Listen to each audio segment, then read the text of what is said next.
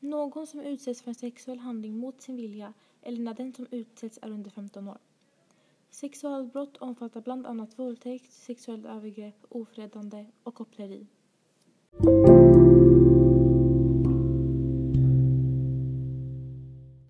Den 1 juli 2018 ändrades lagstiftningen kring sexualbrott. Det innebär bland annat att den skyldige kan dömas för brott om offret nämnt att de inte gett samtycke. Den tidigare lagen kretsade kring att offret måste bli utsatt för hot, våld eller blivit utnyttjad på andra sätt. Förr i domstolen behövde offret bevisa att de faktiskt har blivit exempelvis våldtagna. Efter den nya lagstiftningen måste nu den misstänkte gärningsmannen istället visa sig oskyldig. Detta har såklart en del konsekvenser. Förra året anmäldes 23 200 sexualbrott varav 8 820 visade sig vara för våldtäkt. Statistik på anmälda sexualbrott från 2006 till 2014 höll sig stabilt på runt 1,5 till 2,5 procent av befolkningen. Från 2015 ökade anmälningarna kraftigt. Denna stigning fortsatte fram till 2017. När den nya lagstiftningen kom ut 2018 började andelen sexualbrott minska. 6 procent av befolkningen 2018 och en minskning med 0,4 procentenheter år 2019, alltså 5,6 procent av befolkningen, vilket motsvarar cirka 452 000 personer. 58 procent av alla våldtäkter som sker utförs av människor med utländsk bakgrund, oftast från länder i Afrika och Mellanöstern. Folk från andra länder har såklart vuxit upp i en annan kultur med olika syner på mänskliga rättigheter än vad vi har i Sverige. Det är skillnaden i kultur och religion som ger upphov till partier och grupper som Sverigedemokraterna och Stramkurs. Med tanke på flyktingkrisen 2015 ökade även invandringen kraftigt i Sverige. Samma år hade 162 877 personer sökt asyl i Sverige. Samtyckeslagen är en utmärkt lag ur perspektivet att offret inte längre behöver lika mycket bevis som förr. Antal anmälda våldtäkter med kvinnor som offer 2019 var 4 670, 260 för män och resten på minderåriga. För 32 procent av våldtagna kvinnor med 15 procent motsvarighet för män uppstår detta i någon form av parrelation. Det är med 100 procent säkerhet att många fler sexualbrott än vad som anmäls sker inom parrelationer men även på allmänna platser. Detta kan bli ett problem i domstolen just på grund av att förövaren var offrets partner. Detta ger den skyldige fler på sin sida och brottet tas inte på lika stort allvar som det egentligen borde. Lagen kring när offret är i ett hjälplöst tillstånd infördes i Sverige 2005. Dock hade den många fel och var inte optimalt utvecklad. Efter att en 15-årig tjej blivit sexuellt utnyttjad av en 21 år äldre man medan hon var medvetslös på grund av hash kritiserades lagen av media på grund av domstolens beslut att det inte räknas som en våldtäkt och inte tillhörde en särskilt utnyttjad situation. Eh, I samband med samtyckeslagen stärktes även denna lag och istället för att man ska visa ett tydligt tecken på att man inte vill så måste man nu istället säga att man faktiskt vill. 95 procent av alla våldtäkter i Sverige drabbar kvinnor som offer. De är biologiskt svagare och mindre än män och förväntas inte ta ställning för sig själva.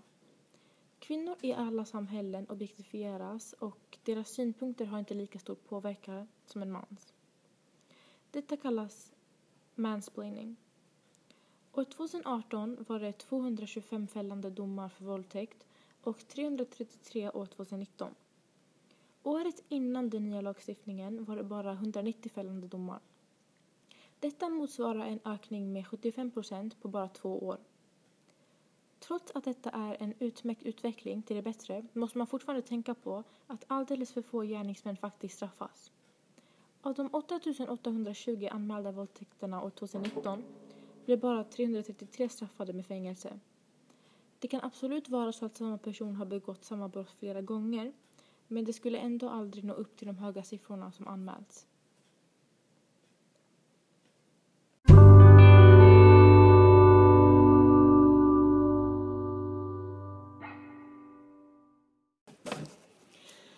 Självklart är det viktigt med samtycke, men att ha det som lag skapar stora problem för domstolarna runt om i landet.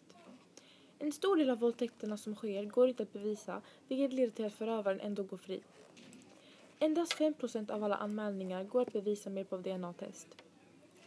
Man kan inte direkt straffa en misstänkt bara på grund av att den som anmält helt enkelt sagt att de inte ville. Dessutom måste man anmäla snarast för att kunna ha en chans att bevisa med exempelvis sperma. Men då har offret med största sannolikhet redan blivit så traumatiserad av händelsen att man helt enkelt inte vågar. De flesta drabbas av en intensiv och akut stressreaktion vilket kan leda till ångest, PTSD, Post Traumatic Stress Syndrome, panikattacker och depression.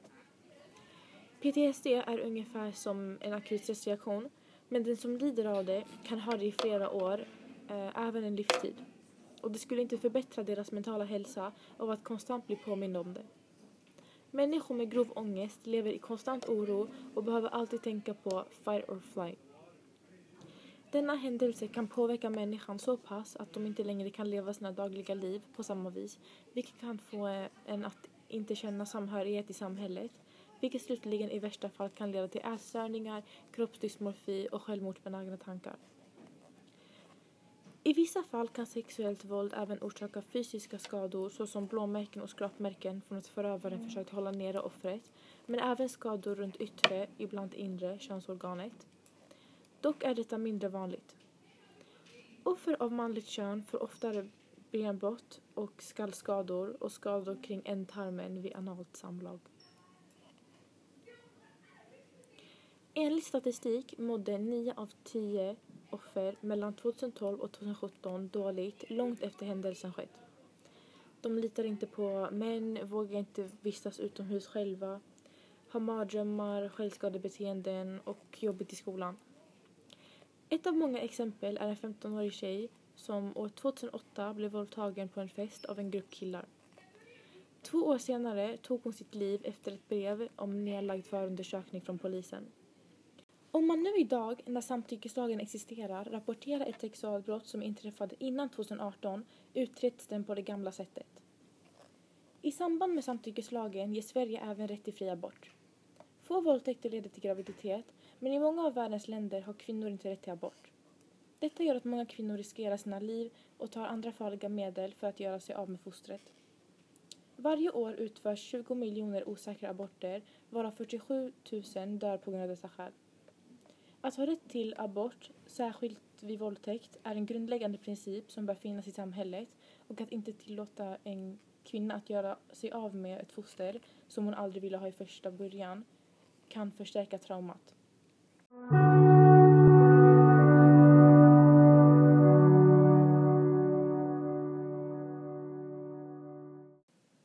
Slutligen kan man sammanfatta det som att Sveriges våldtäktsstatistik minskar efter den nya lagen vilket innebär att vi är på väg i rätt riktning. Det är mycket kvar som behöver lösas, som att man exempelvis skulle kunna införa obligatoriskt stöd hos psykolog gratis för att offret sakta men säkert ska må bättre dag för dag. De borde även göra så att kraven på bevis blir bildare eftersom sexualbrott är så pass svåra att faktiskt hitta bevis för.